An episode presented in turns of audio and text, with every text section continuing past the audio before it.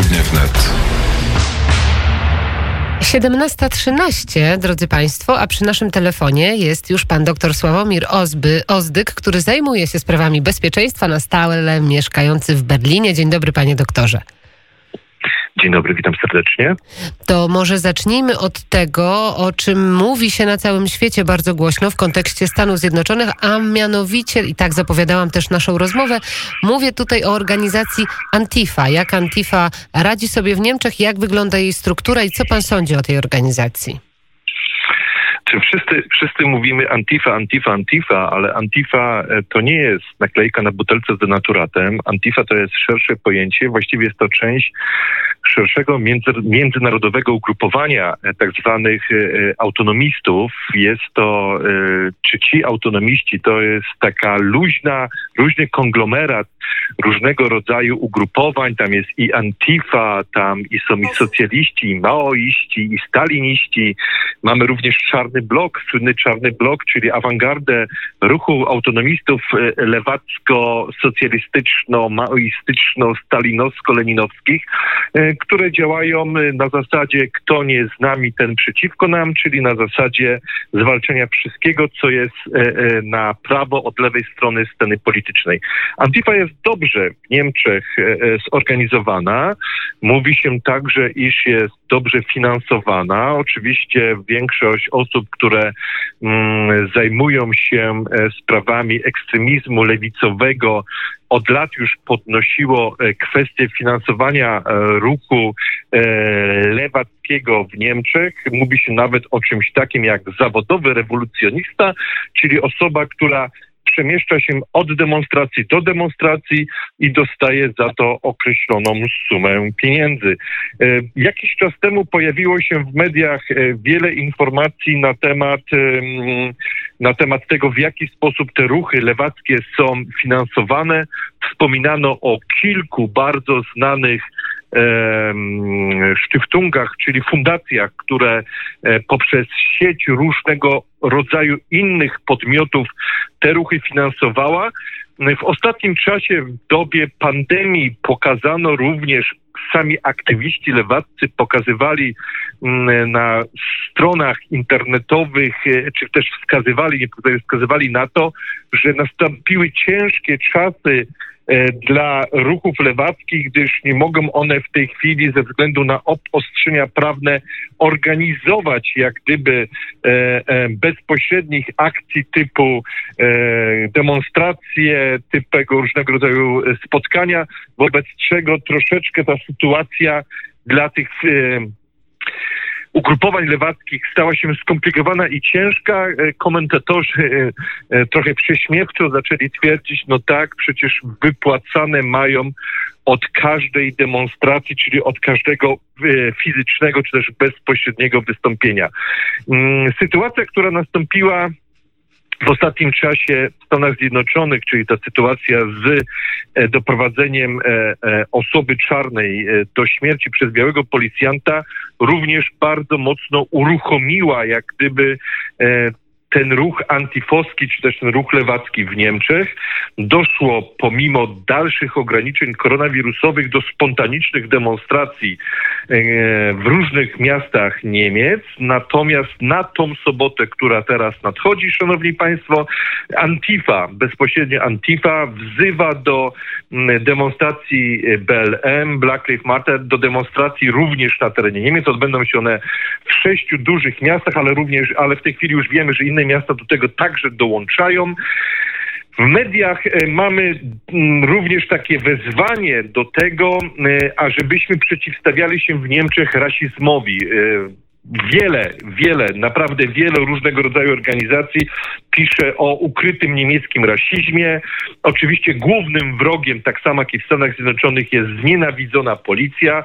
Policja dla Antify jest to wróg numer jeden, z którym walczy praktycznie codziennie, ale to już jest e, inna sprawa. Musielibyśmy przynajmniej godzinkę na to poświęcić.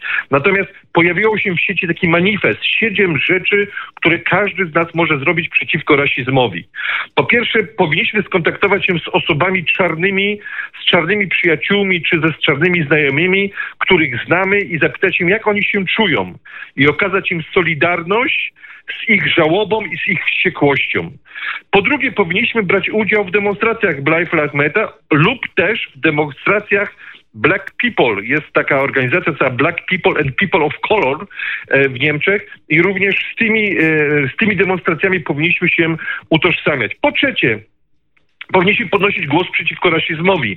Czyli jeżeli w naszym środowisku, w naszym otoczeniu, w naszej rodzinie ktoś mówi bardzo źle o migrantach, o, o uciekinierach, który bardzo źle mówi o Turkach, który bardzo źle mówi o nie Niemcach, powinniśmy podnieść nasz głos i się temu sprzeciwić.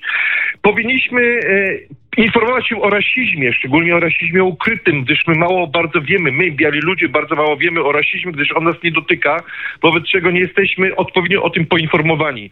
Powinniśmy właśnie słuchać tych organizacji jak Black People o, czy People of Color, gdyż Mhm. one będą nam nakreślały sytuację, To jest- będą nam nakreślały tak. sytuację, co jest tym rasizmem. To są te postulaty, punkty, tak? jeszcze Jeszcze dwa- dwa, dobrze? Tak, jeszcze dwa, punkty, jeszcze, jeszcze dwa punkty pozostały. E, powinniśmy wspomagać tę antyrasistowską pracę, czyli na przykład dawać pieniążki lub samemu się angażować. I najważniejszy punkt siódmy. Powinniśmy zdawać sobie sprawę z przywilejów, jaką my, biali ludzie, posiadamy. Gdzie Antifa, tak, my posiadamy. mhm. gdzie Antifa ma zaplecze polityczne, jeżeli chodzi o y, niemiecką scenę No, polityczną? Antifa, tak. E, Politycznie Antifa jest bardzo mocno zakorzeniona na lewej stronie sceny politycznej w Niemczech, czyli mówimy szczególnie tutaj o Die Linke, czyli o tej partii lewackiej. E, Mówimy tu również o e, partiach lewicowych, jak na przykład SDP, czy na przykład Zieloni. To jest taki konglomerat. Te wszystkie trzy partie przynależą do jakby do stronników Antify. No teraz podnosi się właśnie w tym takim, w tej dyskusji o zakazie działalności Antify, czyli o jak e, premier Trump chce e, umiejscowić Antifę na liście organizacji terrorystycznych, oczywiście podniosła się wielka dyskusja w Niemczech, ale przywoływano też przykłady, na przykład pani poseł, która występuje, pani poseł z Dylinkę, która występowała na mównicy Bundestagu z e, e, tą słynną wlepką Antify, tym symbolem Antify, czyli te dwie flagi, e, czerwona e, robotnicza i czarna anarchistyczna. Mówi się przynajmniej o dwóch, o dwóch sędziach Sądu Najwyższego, e, e, z dwóch landów, które oficjalnie na zdjęciach e, biorą udział w demonstracjach Antify i które praktycznie nie są, nie, nie oczekują się od tego, iż one wspierają oficjalnie Antifę, a mimo tego zostały sędziami Sądu Najwyższego i to świadczy o tym, że Antifa bardzo mocno jest tutaj w Niemczech umiejscowiona. Do tego musimy pamiętać o tym, że Antifa bardzo mocno umiejscowiona jest na uniwersytetach. Iż to wszystko, co w tej chwili mamy, to jest pokłosie tej rewolty studenckiej 68 roku i ta Mhm. praca organiczna u podstaw doprowadziła do tego, że tak na dzień dzisiejszy wygląda struktura Antify w Niemczech. E, Teraz y, patrzymy na nowy raport Ministerstwa Spraw Wewnętrznych i Federalnego Urzędu Kryminalnego BKA. Wynika z niego, że liczba przestępstw motywowanych politycznie wzrosła w Niemczech w 2019 roku. Mhm. Odnotowano coraz więcej ataków y, na polityków, urzędników, a także raport wskazuje, że y, najwyższa w historii jest liczba statystyk, jeżeli chodzi o przestępstwa antysemickie. Jak to wygląda Mhm. w praktyce? Jak pan to ocenia? Znaczy, e, e, e, e, tutaj kwestia, kwestia jest następująca. Są e, e, przestępstwa, to wszystko nazywa się przestępstwa motywowane politycznie. I przestępstwa motywowane politycznie możemy, możemy e, podzielić na te, które są jakby tolerowane i na te, które z zasady od początku są negowane. Większość przestępstw motywowanych politycznie, czy lewej strony politycznej, która w ostatnim czasie bardzo mocno zyskuje e, e, w tej statystyce, no jak gdyby jest tolerowana, gdyż jest ona traktowana jako mniejsze zło, czy też jako narzędzie przeciwstawiania się skrajnemu prawicowemu ekstremizmowi. Z drugiej strony mamy e, przestępstwa prawej strony sceny politycznej motywowane politycznie, no i te są od, e, od sta wypalane ogniem i mieczem i tutaj e, wiadomo od razu, że będzie wielka dyskusja na temat, jeżeli coś takiego się stanie. Natomiast te przestępstwa na tle e, e, takim jakby antyżydowskim, no to już jest pokłosie migracyjne i tutaj to już od dłuższego czasu często mamy z tym do czynienia. To też jest nagłaśniane bardzo mocno, natomiast no nie jest może aż tak punktowane, gdyż najczęściej, gdyż najczęściej na obecną chwilę e, tymi osobami, które jakby przenoszą e, sytuację z Palestyny do Niemiec, no to są niestety migranci e, i tutaj mamy z tym, z tym do czynienia praktycznie na bieżąco. Może o tym aż tak mocno się nie mówi, aby nie podkreślać tego, e, kto dokonuje tych przestępstw. Tym bardziej, że e, e, no, nie jest to tak, jak my myślimy, iż ci, co tych przestępstw dokonują, są jak gdyby od razu umiejscowani w statystykach jako na przykład nie Niemcy. Nie profiluje się ich etnicznie, i nie jest to w mediach od razu publikowane, kto takiego przestępstwa dokonał.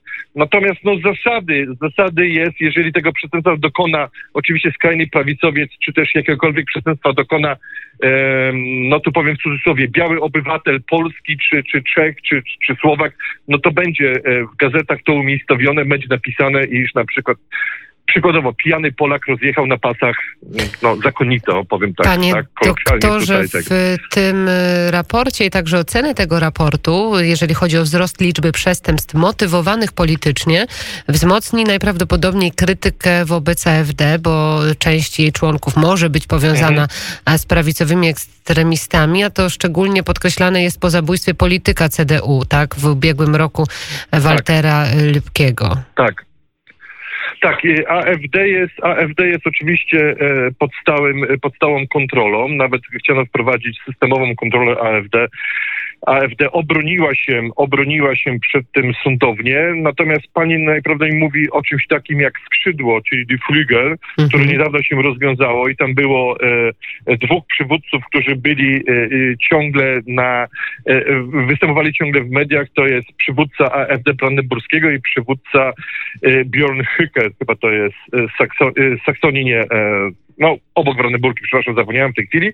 I oni uznawani są w AfD za, e, za osoby o skrajnych poglądach. E, w ostatnim czasie Andreas Kalbit, szef brandenburskiego AfD, został przez zarząd główny AfD wykluczony z partii na e, podstawie takiego paragrafu, który mówi, iż osoby, które przed wstąpieniem do AfD nie brały udziału w jakichkolwiek zgromadzeniach skrajnej prawicy lub przynależały do skrajnie prawicowych partii i to przy przystąpieniu do e, AfD nie powiedziały, nie oznajmiły, że w takich, e, w takich partiach brały udział, e, te osoby będą z partii wykluczone.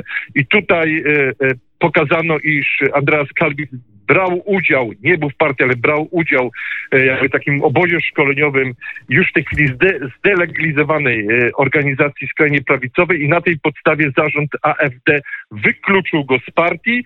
Natomiast Andreas Kalbic zapowiedział oczywiście, że będzie, będzie bronił się sądownie przed tymi zarzutami. E, mówi, że nie brał udziału w tych, w, tych, w tych obozach, w tych szkoleniach. Skrzydło, czyli to prawicowe skrzydło, czyli skrajnie prawicowe skrzydło w AfD jest silne w landach wschodnich. Czyli jakbyśmy spojrzeli na mapę, były, były DDR, była Niemiecka Republika Demokratyczna, E, e, prawicowe skrzydło jest bardzo silne, mniejsze poparcie mają e, w starych landach. No i tutaj najprawdopodobniej, jeżeli nic się nie zmieni, niektórzy również pro, prognozują, że profesor Mojten, szef AfD, który jakby był inicjatorem wykluczenia Andreasa Kalbica z partii AfD, może nawet tymi działaniami doprowadzić do podziału partii. Bardzo dziękuję za ten komentarz. Doktor Sławomir Ozdyk, który zajmuje się bezpieczeństwem i o tym bezpieczeństwie właśnie nam mówił. Bardzo dziękuję.